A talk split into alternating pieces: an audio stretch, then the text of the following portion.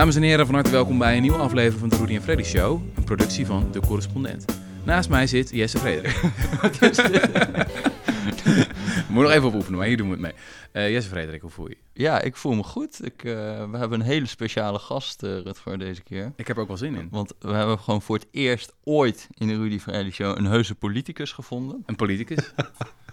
maar niet zomaar een politicus. Maar niet zomaar een politicus, namelijk een Vlaamse politicus. Een Vlaamse? Een Vlaamse politicus. Uh, John Crombé van de SPA. En hoe kunnen we dat uitleggen? De SPA is voor, voor Nederlanders altijd heel verwarrend, geloof ik. Dus uh, ja, dat is de, de PVDA. Hè? De SPA in Vlaanderen is de PVDA in Nederland. En dat is ook bij ons verwarrend, want er bestaat bij ons ook een PVDA, maar dat is dan niet... Ja, ja, ja. ja. Zo, dus zo, zo zelfs je bij nog ons wel is het complex. jezelf te, te, aan te kondigen, zeg maar, in Nederland. De P van de A van Vlaanderen. Absoluut. Oké. Ik heb altijd het idee dat Vlamingen veel meer weten van Nederlanders dan wij weten van Vlamingen. Klopt dat? Ja, wij hebben altijd het idee dat Nederlanders dat vinden. Maar en en het, is, het is voor een stuk, als ik het uh, heel micro bekijk uh, voor mezelf, uh, ik kijk zeer veel Nederlandse duiding. ja, s'avonds. precies. Ja, dus ja. Ik, ik, ik volg de Nederlandse Ja. politiek eigenlijk wel, uh, wel veel, meer dan de, dan de Vlaamse. Ja. Ja. ja, wij En, kijken eh, vrijwel nooit Vlaamse Nou ja, ik wel. Ik, vind, ik vind altijd, als ik het dan kijk, valt het me altijd zo op hoe rustig het ja, allemaal het is zo relaxed. Met, Echt, een talkshow. Ik ben een paar keer in Vlaamse talkshows geweest. Dat is echt chill. dat is wel iets, Gewoon, wel gewoon iets normaal verhaal. Nou, goed, iets te lief. Ja, ik kan, het is in, uiteindelijk wel inhoudelijker.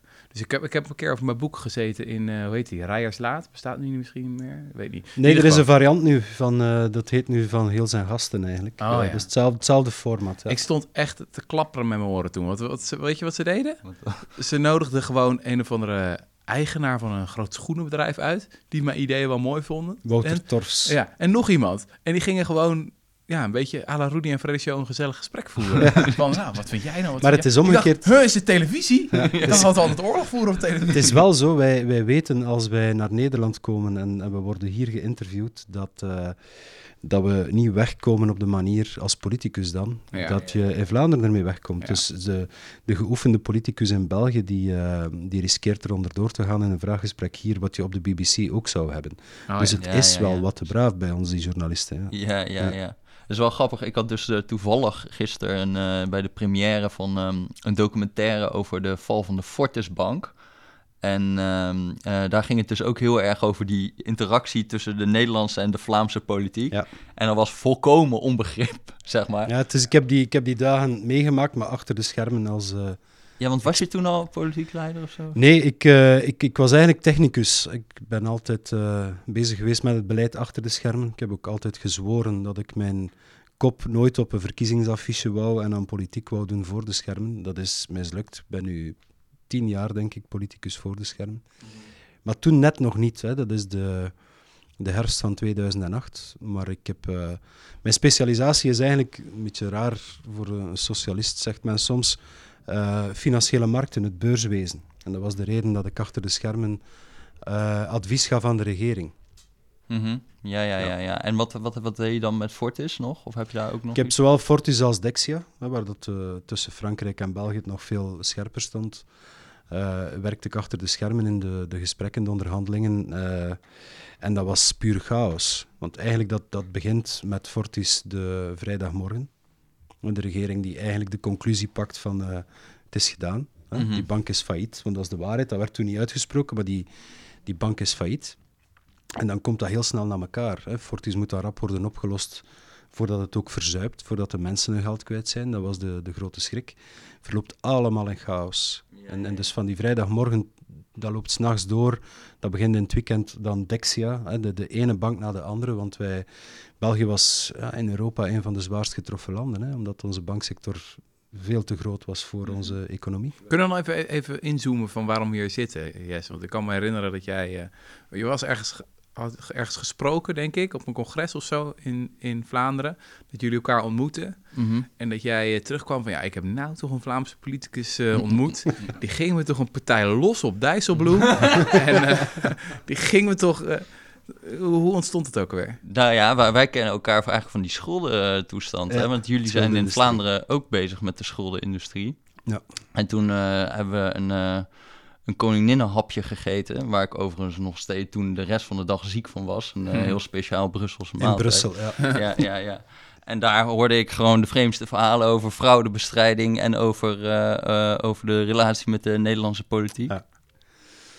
Ja, de Nederlandse politiek is, eh, is eigenlijk de, de, de slechtste partner altijd geweest als het gaat om grote fraudebestrijding. Dat is ongelooflijk. Dat is als het gaat over de, de, de postbusvennootschappen, als het gaat over de aanpak van Griekenland, want vandaar mijn toenmalige colère op, op Jeroen Dijsselbloem, die, die was enorm. Dat vond ik een schandalig verhaal. Mhm, Maar ook nu weer, hè, ze schaffen de, de dividendbelasting eh, af. mhm, De AmCham, Mhm. American Chamber of Commerce, die, die loopt daar al jaren in Europa mee rond. En iedereen met een beetje verstand zegt van je kunt veel vragen eh, vanuit het groot kapitaal, maar er zijn grenzen, dat doen we niet. En nu hebben ze dat in Nederland beslist. Dus Ne- de Nederlandse politiek is daar altijd... Weet je, de, men zegt altijd aan de burger, het groot kapitaal kan je niet aanpakken. Je moet dat internationaal doen. Hè? En vervolgens doet niemand dat internationaal. Ja. En die lobby wil ook altijd maar zeggen, en ik denk dat jullie kranten daar ook vol van stonden, weet je, die beslissing om de belastingen op het kapitaal te verminderen, dat is goed voor de economie. Zeggen ze altijd. Vraag het aan de economisten als het hier gaat over die dividendbelasting. Bullshit, hè? En toch raakt dat beslist. Mhm. omdat, omdat machtige lobby, en AmCham is dat, en in Nederland zelfs nog meer dan in België, daar altijd maar op terugkomt. Dus Nederland als partner om, om grote fiscale fraude en, en ook grote ontwijking, de grootbanken aan te pakken. Ja, want kun je daar een voorbeeld partner. van geven? Van wa- waarom, wa- waar, op welk dossier zat je dan met Dijsselbloem waarvan je dacht, wat, wat is dossier- dit nou weer? Dijsselbloem was eh, voorzitter van de Eurogroep. En eh, dus de, de bankencrisis was er, Griekenland eh, zwaar getroffen en dan Europa ehm, met, met Schäuble en Dijsselbloem. Dat waren eigenlijk de twee prominenten die zeiden, die, die verschrik- verschrikkelijke Grieken die innen geen belastingen. En dus gaan we maatregelen pakken op de bevolking. Wat is dat dan? De onderwijzers de helft van hun loon kwijt, de gepensioneerden een pensioen kwijt, de, de, de medicamenten veel, de- Mhm. al die dingen. Dus gewoon smijt het op de bevolking. Hè. De, de haircut heette dat dan, namelijk een deel van de schulden kwijtschelden, onbespreekbaar, we gaan de bevolking aanpakken. En toen kwam Tsipras, die pakt een zeer terechte wet die zegt, het kapitaal dat Griekenland verlaat, gaan we aan de bron belasten. Mhm. En dat kan. Dus in plaats van jullie kapitaal veilig in de bergen van Zwitserland of tussen de, de coffeeshops in Nederland te gaan leggen, eh, we gaan het aan de bron belasten. Je gaat niet zomaar weg met dat kapitaal, je draagt mee bij aan het herstel van Griekenland. Ja. En toen heeft Dijsselbloem de lead gepakt om die wet te laten intrekken. Maar, Ja, dat, dus in maar het- waarom? Ja, dat is, dat is een vraag waar ik nog nooit een, een, een zinnig antwoord heb op kunnen verzinnen. Maar je, hebt gehoord. extreem Nog rijke nooit. mensen in Griekenland die zien de al hangen. Ja. En die denken, mijn geld moet weg uit dit land. Ja, wat ze eigenlijk traditioneel altijd al deden, hè, de, het bekendste is de, de redersgroepen in Griekenland, die Ja. zijn zeer groot. En het kapitaal dat in Zwitserland staat van, van Grieken zou even groot zijn als heel het bruto nationaal product van de, van de Griekse economie. Dus ze hebben die traditie altijd. Maar de landen van bestemming van dat kapitaal, de, de top twee landen, waren toen Luxemburg en Nederland. Nederland kwam kort na Luxemburg als de Grieken hun kapitaal evacueerden. Want het allerlaatste wat dat ze wil- willen is solidair zijn met hun eigen land om dat land te herstellen. Nee, nee, dikke En miserie. heb je hem daar wel eens op aangesproken? Of- Hem zelf niet. Ik heb hem, eigenlijk, ik heb hem vaker ontmoet eh, in, in, in vergaderingen binnen Europa toen ik zelf in de regering zat. Maar eh, sinds die beslissing, waar ik verschrikkelijk kwaad van werd, het maakt mij niet uit of dat een sociaaldemocraat of een christendemocraat is die het doet. Sinds die beslissing heb ik hem zelf eh, niet meer gesproken. Nee. Ik had ook die behoefte niet eh, overdreven erg. Ja. Want is dit nou niet iets waarvan je nou denkt, dit is bij uitstek, ik weet niet hoe het gaat met de SPA in eh, België, maar hier in Nederland is natuurlijk de PvdA totaal gedecimeerd. En dan hebben we het natuurlijk denk ik over dit soort beslissingen waarvan je denkt van ja, is dat nou sociaaldemocratie? Eh, Het antwoord is nee. nee toch? Maar hoe zelfs gaat de vraag niet stellen, is dit socialisme? Het is zelfs geen sociaaldemocratie, maar het is wel een essentieel deel eh, in wat dat er in de wereld aan het gebeuren is. Dus je hebt een, een, een enorme eh, terugslag van wat eh, solidariteit eh, aan het worden was. Hè. Dat betekent, er worden bijdragen geleverd, belastingen betaald om te zorgen dat alle kinderen deftig naar het onderwijs kunnen, dat er een deftig sociaal beschermingssysteem is, ziekte, invaliditeit. Eigenlijk was dat in Europa goed op gang gekomen. Nu is er een enorme terugslag. De besparingen die er komen na de bankencrisis zijn heel heftig in de meeste Europese landen. Op die moment zouden sociaaldemocraten moeten degene zijn die zeggen stop. Het is niet de bevolking, het waren de grootbanken. Hè? Het is niet de bevolking die de grote fraude heeft gepleegd, het waren de grootbanken en het grootkapitaal.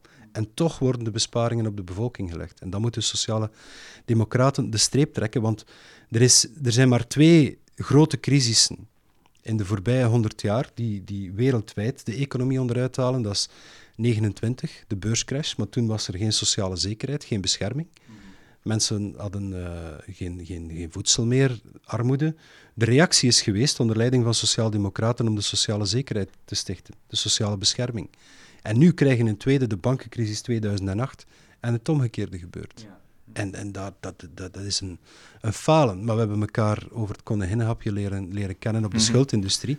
Het is er een uiting van. Hè. Ik mhm. heb, we zijn daar nu bijna twee jaar intens, zeer intensief mee bezig.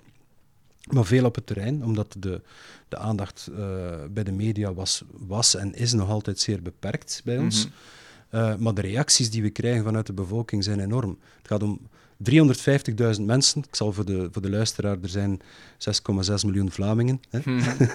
um, 350.000 mensen die betalingsachterstand hebben. Er zijn er 115.000 die in een, een, schuldenregeling zitten. En dus veel van de reacties uit de bevolking op het beleid heeft daarmee te maken. Het zijn mensen die vaak werken en toch met een, uh, een, een, onoverzienbare schuldenlast zitten. Zelfstandigen, uit echtscheidingen, een ziek kind, dat zijn meer dan de helft van de redenen waarom dat mensen in die situatie zitten. Wat is een tweede voorbeeld dat je tegenkwam in, uh, in je periode als, als staatssecretaris van fraudebestrijding, waarin je merkte van Nederland is nou niet echt een ideale partner om uh, mee te werken? We hebben op een bepaald moment, dat is eigenlijk een fantastisch verhaal, maar die podcast duurt niet lang genoeg. Hè. Uh, oh, op, op, doorgaan. Op een bepaald moment uh, is er een, uh, een, een, hoorzitting in het Brits parlement van uh, multinationals met de mhm. vraag waarom betalen jullie hier geen belastingen? Je hebt hier fabrieken, je hebt hier personeel, je verkoopt hier, maar je betaalt hier geen belastingen. De, de Amazons en de Starbucks en de, die gasten. Die discussies, als je zag hoe dat de landen reageren, was Nederland een land dat heel erg op de rem ging gaan staan. Waarom? Omdat ze zeggen om onze economie aantrekkelijk te maken, eh, de postbusvernootschappen, andere regelingen in de boxen, heet dat hier, waar dat bedrijven vinden dat Nederland belastingmatig aantrekkelijk is uh, en dan naar hier komt. Hè. Ik heb vaak de uitdrukking bij ons gebruikt, I can get no tax satisfaction, hè, want de Rolling Stones zitten hier ook en, mm -hmm. en de wereldverbeteraar Bono van U2 ook, maar die wil ook uh, yeah. niet meer meebetalen. Dan kom je naar Nederland. En, en dat was een tweede dossier waar dat, dat je zag dat er geremd werd. Hè. Gewoon de vraag, laat ons multinationals normaal belastingen laten meebetalen. Want de kleine bedrijven in Nederland, die betalen meestal de volle pot. En die betalen gemiddeld de dubbel van de multinationals om hmm. hetzelfde te doen. Dus wie kan dat accepteren? zelfs een liberaal politicus kan dat toch niet accepteren. Dan blijft alleen de, de macht van de lobby over. Hè? Dat die, uh, die grote meer uh, impact hebben op de politiek dan de kleine. Hè? En waarom lukt dat niet om die dossiers dan eigenlijk zoals, zo grensoverstijgend te maken? Waarom lukt het niet om met elkaar te praten. Ook. Het lukt soms wel. Ja? Ja. Het, het voorbeeld bij uitstek, dat is uh, Obama die uh, zijn parlement om de tuin heeft geleid. En die zei, er is terrorisme, we gaan een wet pakken om te zorgen dat alle fondsen die Amerika binnenkomen kunnen gescreend worden. Heel dat parlement content, we gaan terrorisme aanpakken. En uh, de clue van die wet was eigenlijk dat je daardoor fraude keihard kon bestrijden, want het bankgeheim moest worden opgeheven. Ja, ja, ja. Dat is de FATCA in 2009, dat is, dat is een historische wet. En dan daaruit is gekomen dat... Uh, want dit is in jouw tijd als staatssecretaris natuurlijk. Net ervoor, ja. Net ervoor, oké, ja, ja. En, en daaruit komt dat uh, een aantal landen met elkaar beginnen te spreken van kijk, als die bankgeheimen worden opgeheven, dan kunnen we de bank, de, als we dat internationaal doen, al de bankgegevens laten uitwisselen tussen de landen. Mhm. Met de lonen gebeurt dat al lang. Hè. Ik ben Belg, ik werk in, in Nederland, dat wordt uitgewisseld met de fiscus, geen enkel probleem. Maar ik ben Belg en ik ben rijk en ik zet het in Nederland, dan gaat het niet. Hè. Mhm. Dus kapitaalinkomsten niet, arbeidsinkomsten wel. Dat is heel snel gegaan. Landen hebben elkaar gevonden, hebben afspraken gemaakt en dat is er nu. Hè. Sinds 2017 is dat er. En dat maakt eigenlijk dat je heel het nationaal inkomen van elk land kunt in beeld brengen nu. Oh horror. Je skiet van een piste naar beneden in Zwitserland, beneden staat het bankkantoor. En nu vragen ze, u moet uw herkomst van uw inkomsten kunnen bewijzen. Dat was vroeger niet. Ja, want ik dus soms lukt het wel, met de F-35's niet. Ehm, het Dat is de Joint Strike Fighter. Ja, de ja. Joint Ja, Strike Fighter, maar dat is ja, ja. eigenlijk waar Kijk, daar dat- begint het al. Ja, we- hadden het Ik las Ja. F-35, dat is gewoon bij- voor Ja. ons de Joint Ja, Strike ja, Fighter. Dat is van de, bij ons is dat van de F-16 naar de F-35. Dat Ja. blijft in de... En Want ik kan me herinneren dat jij over die, over die fiscale fraude ook nog allemaal spannende verhalen had over CD-ROMs die moesten worden weggesmokkeld Ja. uit, uit Zwitserland. En, eh, Ja, die wil ik Het ook horen. Ja, die wil ik ook spannend, wel. spannend, maar schrijnend eigenlijk. Dus de, de wereldwijde grootbank, Zwitserse grootbank HSBC. Ja. Fantastisch logo, sponsort fantastische dingen. En eh, very crooked. Wat gebeurt op een, op een bepaalde dag is er eh, een- medewerker die het eh, opzettelijk organiseren van fraude door die eerbare bank ehm, niet meer aan kan. En hij, hij, hij, hij laat hem opsluiten in de bank en s'nachts downloadt hij de gegevens van de klanten die fraude hebben gepleegd, maar georganiseerd door de bank. Hij downloadt die op een CD-ROM. Falciani is zijn naam. Als je hem googelt, heb je heel veel hits. Ehm, hij rijdt naar Parijs en maakt die over aan de autoriteiten, de Belastinginspectie in Parijs. HSBC merkt dat natuurlijk in de dag van er heeft hier iemand eh, data uit onze systemen getrokken, eh, gaat in kort geding bij de rechter en zegt gestolen informatie mag nooit gebruikt worden voor onderzoek en proces. Wat klopt. Dus die rechter in kort geding zegt die data op die CD-ROMs mag in Frankrijk niet gebruikt worden voor onderzoeken. Tussen het overmaken van Falciani en het kort geding was de Belgische inspectie, hè, waar ik bevoegd voor was, naar Parijs gereden en had die CD-ROMs gekopieerd en teruggereden naar Brussel. Twee inspecteurs. Eh, HSBC krijgt daar natuurlijk lucht van en eh, gaat in kort geding in Brussel en zegt dat is gestolen informatie, die mag niet gebruikt worden. En de Belgische rechter zegt, is geen gestolen informatie, het is gekopieerde informatie. Ehm, dat, eh, Hebben die inspecteurs een bonus gekregen? Of? Nee, nee, nee, de- dat heb ik u niet verteld. Oh, die, die inspecteur is door ons, ons gerecht. eh, die heeft, ze hebben een huiszoeking gedaan. De procureur-generaal heeft een huiszoeking gedaan in zijn eigen gerechtsgebouw tegen die inspecteur. Die is aan de zijkant gezet. nou ja, Ja. oké. Ja. En En- toen stond er op die CD-ROM zo. Ja, op die CD-ROMs stonden zeer veel klanten die gefraudeerd hadden. We hebben klant per klant zijn we een onderzoek gestart. Dat heeft eh, de schatkist 435 miljoen euro opgebracht. 400 435 miljoen Eén euro. Zwitserse bank, hè? Eén, ja, en een één half file. miljard. We hadden niet alle files van die ene Zwitserse bank, niet, niet eens. En alleen de Belgische. Bijna een half miljard euro heeft dat opgebracht, één per één. En ehm, dat is ook aandringen geweest om dat, om dat intensief te laten onderzoeken. Hoeveel F-35's is dat? Een halve. Ja, dat valt, dat valt tegen eigenlijk. ja. De staart. De staart. Maar het, de, het schrijnende van het verhaal is dat je dan denkt, weet die grootbank die zal nu internationaal eens aangepakt worden voor het gerecht. De, de daders van de organisatie van de fraude zitten in die grootbank, maar goed, die blijven op, op sportevenementen en zo eh, in de VIP zitten. En worden niet aangepakt. Maar Falciani, de, de Zwitser die de gegevens heeft gedownload, die is veroordeeld. Die heeft tot zes jaar gekregen. Vanwege schending van het bankgeheim. Of, eh, Ja, en, en stelen, stelen van informatie. Dus Ja, die, ja. die heeft, die heeft eh, een, Een soort van financiële Snowden was het eigenlijk. Waar die Ja. gewoon keihard voor gepakt is. En daar, het, het verhaal van klokkenluiders is een reëel verhaal. We hebben dat nu ook, om terug te keren naar de F-35, we hebben mensen uit het leger die het niet kunnen zien hoe dat de lobby eh, de politiek een slecht contract gaat laten tekenen. Het gaat bij ons om, voor de komende jaren gaat er 15 miljard euro worden uitgegeven als we dat contract tekenen. En meer. En, 30 en die, die, HSBC's. die toestellen zijn nog altijd niet gehomologeerd om te mogen vechten. Hè. Ik weet niet of ze dat in Nederland weten, maar het is al 15 jaar dat men zegt dat toestel komt technisch in orde. En al 15 jaar aan een stuk is dat nog niet gebeurd. Hè. Trump is die bestelling aan het schrappen. Hè. Om maar iets te zeggen, niet dat dat een goede bron is om dat te verwijzen. Zakelijk genie. eh. Voilà. Maar gewoon omdat zo, het, het, het kost vier keer meer per uur om met dat toestel te vliegen dan bijvoorbeeld met een F-16. En dus daar hetzelfde. Wij hebben mensen uit het leger die zeggen, we kunnen dat niet zien, hoe dat die lobby dat hier wint. Die brengen informatie naar buiten. Zij worden aangepakt. Hè. Dus systemen van klokkenluiders, als deontologische codes en regels worden overtreden binnen een politiek systeem, die bescherming is er nog niet. Hè. Is veroordeeld, onze militairen worden aangepakt. En dat is een deel van het, antwoord op het verhaal. Een lobby wil altijd dat het verhaal binnen een land blijft. Stoppen ze veel geld in reclame van hun product, Ja. Je, kunt, je riskeert filmpjes te krijgen van Lockheed Martin met F-35's die verticaal opstijgen. Van kijk eens hoe geweldig, buy that met uw belastinggeld. Mhm. Maar het wordt niet internationaal, omdat degenen die informatie naar buiten brengen, die worden aangevallen, geridiculiseerd, eh, tot en met. En, en tot in de media zie je dat, hè, dat die, die verhalen die worden gespind vanuit die lobby, die, die, die worden ook geschreven in de krant. Hè. En het is natuurlijk ook belangrijk om onderscheid te maken hier tussen belastingontduiking en ontwijking. Steeds Want minder. hier ging het echt om, oh steeds minder. Steeds minder, ja. Want hier ging het echt om keiharde fraude. Gewoon mensen die belasting ontduiken, die inkomsten moesten opgeven of vermogen moeten opgeven, dat niet doen. Ik zeg steeds minder, omdat ik heb in 2012, ik was toen, eh, ik denk een week of tien bevoegd voor fraudebestrijding, heb ik een, eh, een wet laten stemmen ja. die eh, een groot deel van de ontwijking strafbaar maakt. En eigenlijk in een logica, als je een constructie opzet om belastingen te ontwijken, en het, de- het enige doel van die ontwijking is belastingen niet betalen, dan is het ook strafbaar. Want tussen ontwijking en ontduiking heb je altijd een grijze zone waar dat de, de Big Four consultants en sommige advocatenkantoren rijk mee worden om de grijze zone te gebruiken tegen de staat en tegen de belastingbetaler. Mhm. Dat dat op zich een bestaand beroep is, is, eh, is on- onwaarschijnlijk. Hè?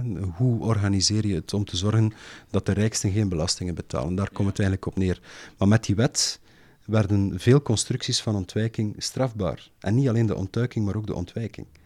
En dat maakte het veel moeilijker voor degenen die constructies hadden in die banken en belastingparadijzen en noem maar op. ehm, om hun advocaten nog te laten zeggen, we kunnen dit winnen. Het werd plots een scheidingslijn. Ja. En, eh, Ze zijn niet machteloos tegenover dit soort constructies. maar natuurlijk niet. Ja. Iedere keer dat ik een politicus hoor zeggen, we moeten dit internationaal aanpakken, hè, dan denk ik van, dus je wilt niet. Hè? Ja, ja, ja. Er kwam onlangs 50 van de 100 rijkste Belgen hebben 48 miljard geparkeerd staan in Luxemburg. Dat is geen groot nieuws geweest. Alleen de minister van Financiën zei, ja, we kunnen dit alleen internationaal aanpakken. Dat is gewoon gelogen. Dat is een leugen. We kunnen dat gewoon zelf aanpakken. En, en moest daar coördinatie ontstaan, Europees, kan je eigenlijk die grote fraude redelijk snel aanpakken en kan je de belastingen voor het grootste deel van de bevolking verlagen. Hè. ja. Ja, hey John, wat ik altijd ook eh, merk als ik dan met jou praat, dan praat je heel veel over fraude nog steeds. Dus over fraudebestrijding en over en heel veel verhalen uit die tijd. Maar nu ben je natuurlijk partijleider. Ja. En ik kan me voorstellen dat dat een verschrikkelijke baan is. Tenminste, ik zou hem niet... ik Nou, zou- wat vrolijk nou weer. Nee, ja, ik zou dat echt totaal niet ambiëren. Dat je dan, eh, dat je dan zeg Terwijl maar... jij zo'n charismatisch type bent, die Ja, altijd graag de leiding neemt en, en mensen wil motiveren en energie wil geven. Ja, ja, ja. Maar dit toch niet. Nee, nee, nee. Geef mij maar fraudebestrijding, eerlijk gezegd. Eh, Of, eh, hoe is dat voor jou geweest dat je dan zo terug moet van zeg maar, een positie van, van in een regering en dan een partij moet leiding moet gaan geven? Ja, het zijn, het zijn twee onderwerpen. Ik denk dat, eh, dat mensen, als ze kijken naar wat dat er in de media verschijnt, het, van het leven van een partijvoorzitter, dat men daar niet vrolijk van wordt. Ja, Dat is ook omdat men de, de, de goede kant van partijvoorzitter zijn, komt ook bijna nooit in de media. Ik bedoel, het contact met mensen, de toegang tot ehm, burgers die in netwerken dingen willen veranderen, eh, het leiden van de partij als er nieuwe mensen bijkomen die met hen enzovoort. hè. Er zijn veel goede kanten aan de politiek, maar de goede kanten zijn, zijn ook moeilijk mediatiseerbaar. Hè. Vrolijke verhalen die, die halen het meestal niet. Dat is één kant. Twee, het uitvoerende fraudebestrijding doen in een regering en een partij leiden zijn twee jobs die zo verschillend zijn van elkaar dat het inderdaad maar moeite kan vergeleken worden. Wat, Mhm. wat ik, hoe dan mijn dagen eruit zien en, en wat, ik, eh, wat ik moet doen, dat zijn eigenlijk twee verschillende werelden. maar wat, wat het- waarom ik dit ook vraag is omdat ik heel, nog wel eens met politici spreek. En wat ik dan heel erg altijd merk is dat ze op een gegeven moment, of dat ze heel vaak de politiek in zijn gekomen met allerlei ideeën, zoals wat jij het nu hebt. En dat ze op een gegeven moment in de praktijk heel erg naar binnen zijn gekeerd. Ja. En dat het heel veel gaat over het spelletje en niet wat er op het spel staat. En ik vraag me heel erg af hoe je dat als politicus vermijdt. Of denk je dat je dat vermijdt? Of, Ik heb ehm, op een bepaald moment, dus ik, ik stel mij kandidaat voorzitter voor de partij en ik heb eh, onmiddellijk gezegd, als ik het word, dan eh, ga ik weg uit eh, het parlement. Uit onze Tweede Kamer, die bij ons de Eerste Kamer heet, om het eenvoudig te houden. Omdat ik heel erg geloof dat je niet op een, op een normale manier aan politiek kunt doen als je niet gewoon eh, op straat blijft. Maar ik kan me zo voorstellen, als partijvoorzitter moet je ook heel veel mensen managen en zo. Ja, tuurlijk, maar als dat de focus is, want bij ons, dat is anders dan bij jullie. Bij jullie is de fractieleider de, eigenlijk de inhoudelijke lijn Mhm. aan het zetten en is er nog een, een partijvoorzitter voor de organisatie. Bij ons is dat één, hè, om het helemaal leuk te maken. Nee, inderdaad. Ehm, maar als je daar het meest mee bezig bent, met de interne structuur en personeel, dan ben je geen goed voorzitter. Als het gaat over die inhoudelijke lijn en eh, als je je laat eh, omringen, adviseren, steeds dezelfde hoofden die tegen je spreken, dan, dan doe je niet aan politiek. Je, je komt, we hebben zo een aantal dossiers die we echt van, van straat hebben gehaald. De, schuld, de schuldindustrie is daar duidelijk één van. Hè. Het, het zat niet in de kranten, het zat niet op televisie, het zat big time in gesprekken met mensen. Big En in time. hoeverre inderdaad mer- merk je dat die media de politiek een bepaalde richting opstuurt? En hoe geef je daar tegenwicht aan? Eh, immens en, eh, en moeilijk om tegengewicht te geven. Ehm, het is dossiers die, eh, die belangrijk zijn, ehm, worden niet altijd belangrijk in de media. En met belangrijk zijn bedoel ik waar dat mensen veel belang aan hechten. Hè. Die, soms snap je niet waarom dat iets klein blijft in de media. De reactie van media op wat er gebeurt, hè, vandaag in Nederland, financiering van moskeeën, de dividendbelasting. Ik zie een felle reactie van de media, wat het hoort te zijn. Ik zie dat bij ons niet altijd. Hè. Want als een journalist jou Dus- belt, wat voor vragen komen er dan? Dat is, dat is veranderende tijd. Ik ben beginnen werken achter de schermen in de politiek in 2003. Maar echt als te- technicus op eh, ja, mijn, mijn domein, eh, financiële markten eigenlijk. En, ehm, maar toen had ik wel contact met de pers als er dossiers moesten uitgelegd worden. Het feit dat ze belden voor de inhoud van dossiers is al één. Dat is steeds minder zo. Dus hoe en, hoger je komt als politicus, hoe minder ze het over de inhoud willen hebben. Los van mijn positie. Los van mijn Oké, positie. dit is gewoon een... Er worden minder en minder vragen gesteld over eh, de inhoudelijke constructie van een dossier. Er worden meer en meer vragen gesteld over de whodunit, over het aanklagen van iets, over wie is uw tegenstander, het, het, het verhaalbare van eh, het theatrale ervan. eh, daar worden meer vragen over gesteld. Ik veroordeel dat niet. Hè. Ik vind de media een gegeven. Voor mij, ik, ik, ik ben niet degene die de media moet analyseren en laat staan advies geven hoe het anders moet. Elke tijd, elke periode heeft zijn media. Het is gewoon anders. En dus het inhoudelijke aspect eh, is moeilijker de hoofdzaak van, eh, van een debat. En dat merk je in de vragen die je krijgt. Ja, je ziet toch vaak gewoon dat als het concreet wordt, heeft Halbe Zelstra dit wel of niet gezegd? Is er een bonnetje ja of nee? Dan daar is makkelijk een verhaal natuurlijk over te maken. Ik zeg niet dat die verhalen niet gemaakt moeten worden. Het zijn volgens mij belangrijke journalistieke verhalen. Maar als het, als het ineens gaat over ja, enkele tientallen miljarden aan belastingontduiking in de periode 2005 tot 9 onder een politicus die al weg is, komen we nu achter, ja, eh, vaag, whatever, ingewikkeld. Hoe zit dat dan met die constructie? Oh, die loopt dus en zo. Ja, je moet het helemaal gaan uitleggen nu eigenlijk ook wordt het die dividendmemo's wel een interessant voorbeeld. Omdat het nu, nu wordt het dus zeg maar voor de parlementair journalisten interessant. Omdat het gaat over bestaat zo'n memo? En wie Terwijl- had die? En wie had die? Terwijl eigenlijk weten we al heel lang van... oké, wat is die dividendbelasting? Wat is het te verwachten effect als je dat afschaft? Dat is een inhoudelijke vraag. Dat gaat over iets... En economen, fiscalisten, die kunnen je uitstekend uitleggen...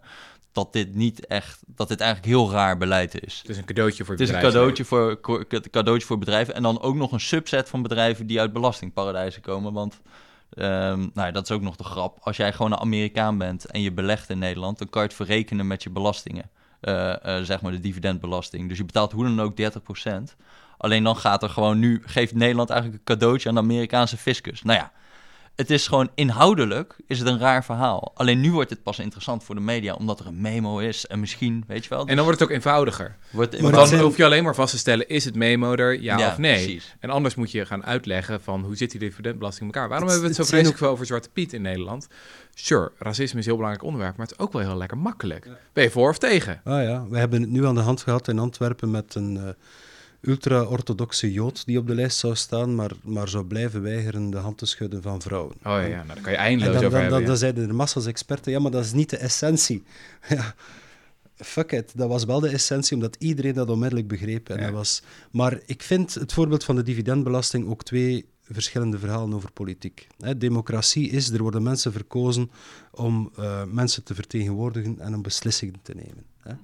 Het debat over de dividendbelasting, is dat goed voor de economie en voor de concurrentiekracht en de big four, bla bla, die er altijd overheen uh, moet, is een inhoudelijk debat, waar je pro's en contra's en eigenlijk geen scheidsrechter hebt.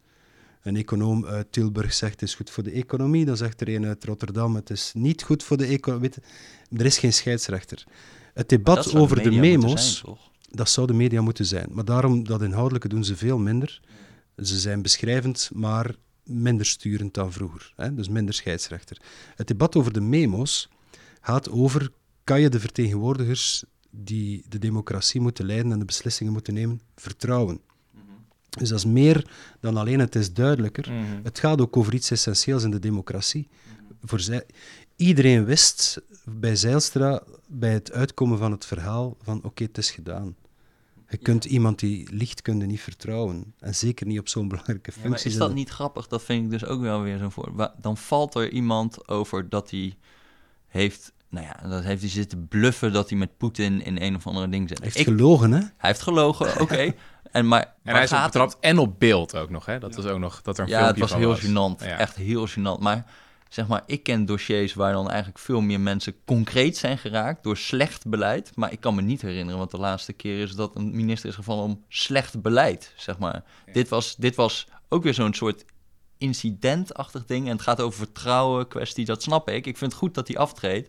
Maar het is, het is veel makkelijker om iemand daarmee te kapittelen dan, zeg maar op, op beleid. Die, die voorbeelden worden in onze media vaak herhaald, omdat het, het, het blijft gaan ook bij slecht beleid van uh, is iemand verantwoordelijk uh, voor iets, maar dan breed. En ik bedoel daarmee, er zijn ministers ook van mijn partij, een, een bekend voorbeeld, hè, Dutroux. Iedereen kent Dutroux in Nederland.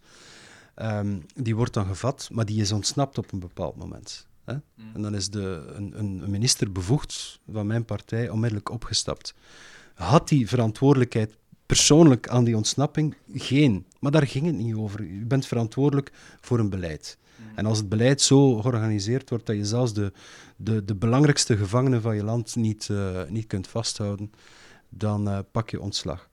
Op vandaag in Vlaanderen is dat veel minder denkbaar. Het, mensen worden, de ministers worden niet bekeken als degenen die staan voor het beleid, die verantwoordelijk zijn. Er worden schuldigen aangeduid de ambtenaar, de klokkenluider. De, weet je? Mhm. En dat is democratisch een slechte evolutie. Hè? Tuurlijk ben je verantwoordelijk als je ministerportefeuille krijgt. Wie anders? Je bent de eindverantwoordelijke. En als je er niet voor kunt zorgen dat het goed loopt, dat de regels gevolgd worden, dat er een deontologie in zit, dat er in het belang van het land en de burger, want iedereen legt toch die eet af, dat het zo gebeurt. Mhm. Als dat mislukt, dan zou je eigenlijk moeten gaan. Maar die, die cultuur is in onbruik geraakt bij ons, niet bij jullie. Wees daar blij mee, mhm. want ik vind het beter zoals dat in Nederland gebeurt. Als je liegt over iets essentieels, want hij was... Zijlstra is een sympathiek man. als die, die, die sprak voor de camera's, er ging altijd wel een dynamische jovialiteit vanuit. Dus dat is de perceptie. Maar als je dan liegt en op een speech voor een VVD-congres nog eens de, de grote Jan komt uithangen over dat verhaal en dan nog over buitenlandse zaken, internationale materie, dat gaat niet. Nee, nee, nee, nee. Ze kijken een beetje jaloers naar elkaar.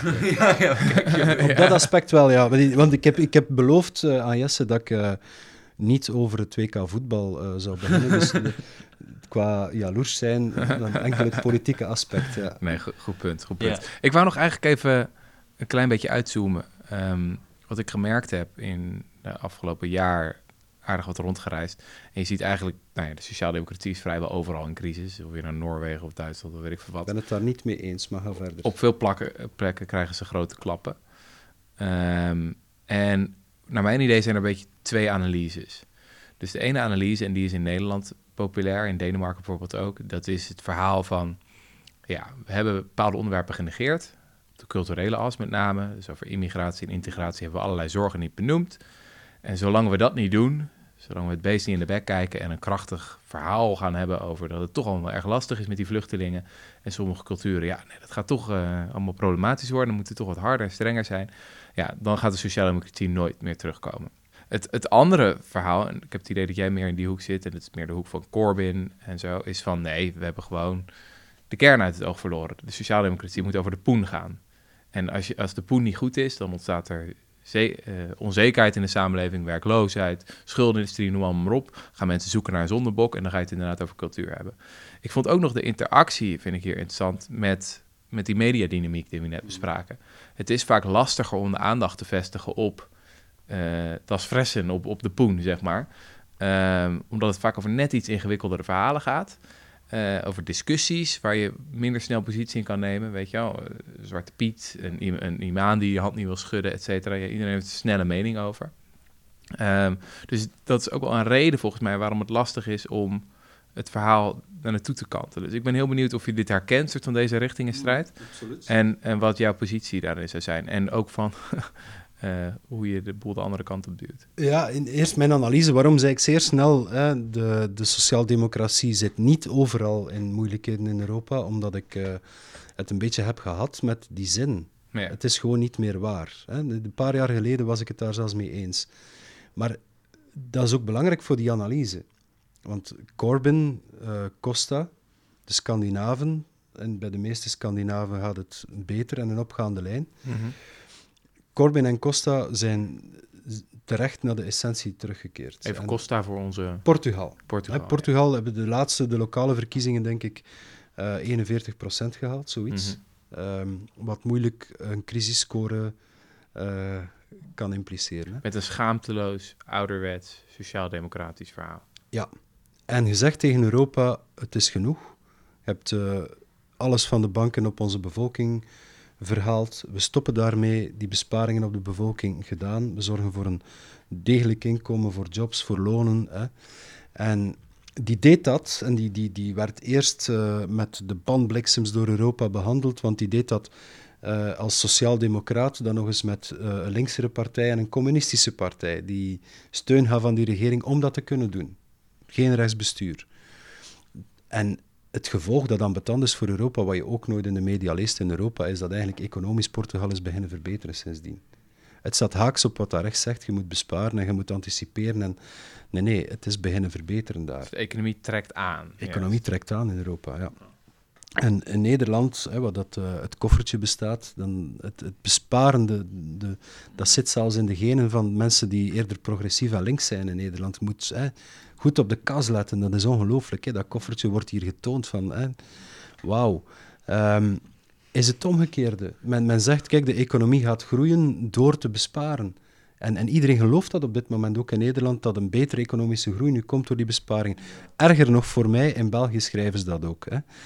Degenen die dat niet doen en terug durven zeggen van kijk, ehm, ga voor solidariteit, ga voor eerlijke verdeling, pak fraude keihard aan en als resultaat goede pensioenen, AOW hier, hè, ehm, goede ziekenhuizen toegankelijk voor iedereen en betaalbaar, geen privatiseringen in de zorg eh, en, en onderwijs betaalbaar en democratisch voor iedereen. Die dingen.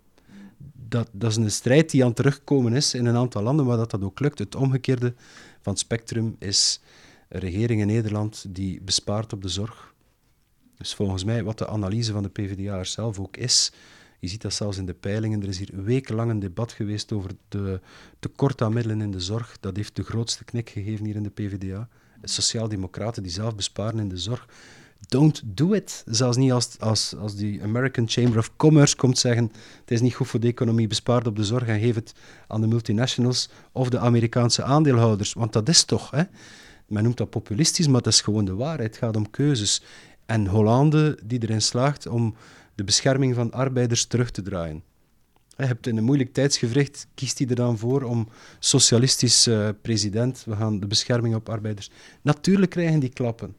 Waar moeten mensen nog naartoe als ze kijken naar een wereld waar dat heel moeilijk is om te zien wat dat er op u afkomt, dat dat beheersbaar blijft. En als je niet met uzelf in zit, dan toch met uw kinderen. Gaan die nog een huis kunnen kopen? Je hebt hier in de bankencrisis in Nederland met de huizenprijzen en het vastgoed een immens probleem gehad. Hè, dat nog altijd niet opgelost is en zelf een stuk terugkomt. Mensen redeneren toch terecht zo. Gaan mijn kinderen ook een deftige job hebben?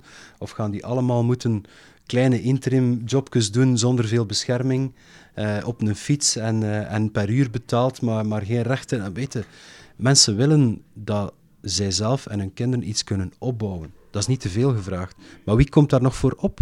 Nog, nog één ding waar wij het een tijdje geleden over hadden is... ehm, wat opvalt in Nederland is dat als je nu kijkt van waar de, laten we zeggen, de tegencultuur zit, of het elan, of nou ja, waar eh, veel jongeren bijvoorbeeld toe aangetrokken zijn, dan is dat niet de jonge socialisten of de jongere partij van de SP of, of Maar toch Noem maar niet op. Forum. eh, dan zie je dat eh, het, het elan zit bij, eh, bij een partij als Forum voor Democratie. Die vind ik in heel veel opzichten best wel eh, nou ja, enge ideeën erop nahoudt. Eh, dat je echt denkt van nou, we stappen echt in de tijdmachine.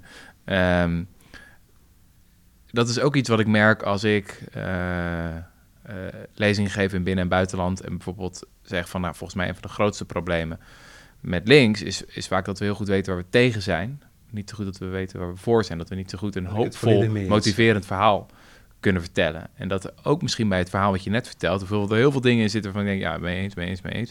Krijg je ook een-. Krijg je ook een klein beetje een jaren zeventig gevoel bij. Van vroeger was alles beter. En als we nou gewoon de sociaaldemocratie zouden herstellen zoals die ooit was, eh, dan komt alles goed.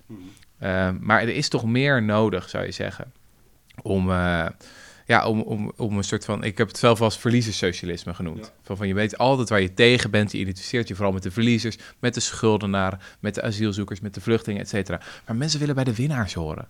Weet je? Mensen houden er vaak ook niet van om aangesproken te worden als van... jij bent een verliezer, jij bent zielig en ik ga je helpen. Her- herken je dat? Heb je daar... Ja, ja, tuurlijk. over? Maar het is ook omdat wij, ehm, en, en we moeten dat hard bewaken. Ten eerste moet je, moet je mensen aan het luisteren krijgen. Er zijn te veel mensen afgehakt om te luisteren naar sociaaldemocraten. Wellicht om, om onder andere die reden. hè. Ja, Ehm, als ze luisteren, moet je ze durven zeggen hoe de, de maatschappij in de toekomst er moet uitzien. Hè. En eh, dat hebben we veel en veel te weinig gedaan. We waren eh, boekhouders en eh, bestuurders. Nee, maar ik bedoel, kijk, als we nou denken van dingen die zijn bereikt door sociaaldemocratie, dus een pensioen voor iedereen, een werkloosheidsuitkering, een bijstand. Ehm, wat is het volgende stap, zeg maar? Wat is die volgende stap in die verzorgingsstaat? Of is het enige wat we doen, is gewoon al die dingen behouden op het of niveau... weer herstellen zoals of ze weer herstellen waren. zoals ze ooit waren, want, want dat is gewoon geen... Nee, maar wa- wa- wat wel is, toen de, de, de kinderarbeid werd afgeschaft, hè, dan, eh, dan was het concept voordien ook niet, het zal afgeschaft worden, want er, er werd gezegd dat slecht voor de economie. Toen de sociale zekerheid werd eh, eh, gesticht, bestond die naam ook niet. Die dingen worden bekend nadat ze opgericht zijn en dat is hetzelfde nu. En ik denk in dit tijdsgevricht dat, dat je kunt zeggen van kijk, een Europees model is er een waar dat...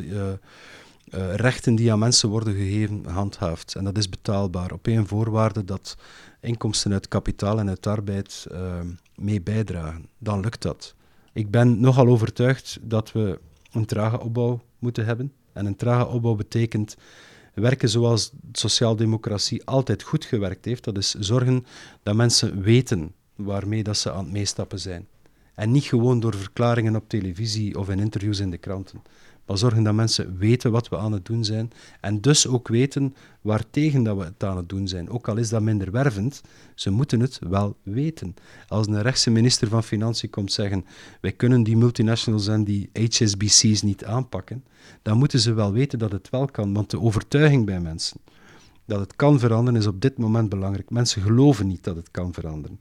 Mensen zijn een beetje fatalistisch van, ja, het zal wel zo blijven, want de elite en de kapitaalkrachtigen, en dat is helemaal terug. Oké. Dank voor je komst. Ja. Dankjewel voor de uitnodiging. En nu?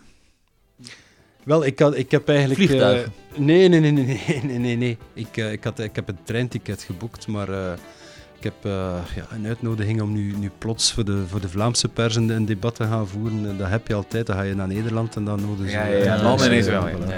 Ja. Oké, nou, succes. Dankjewel. Dat ben je luisteraars.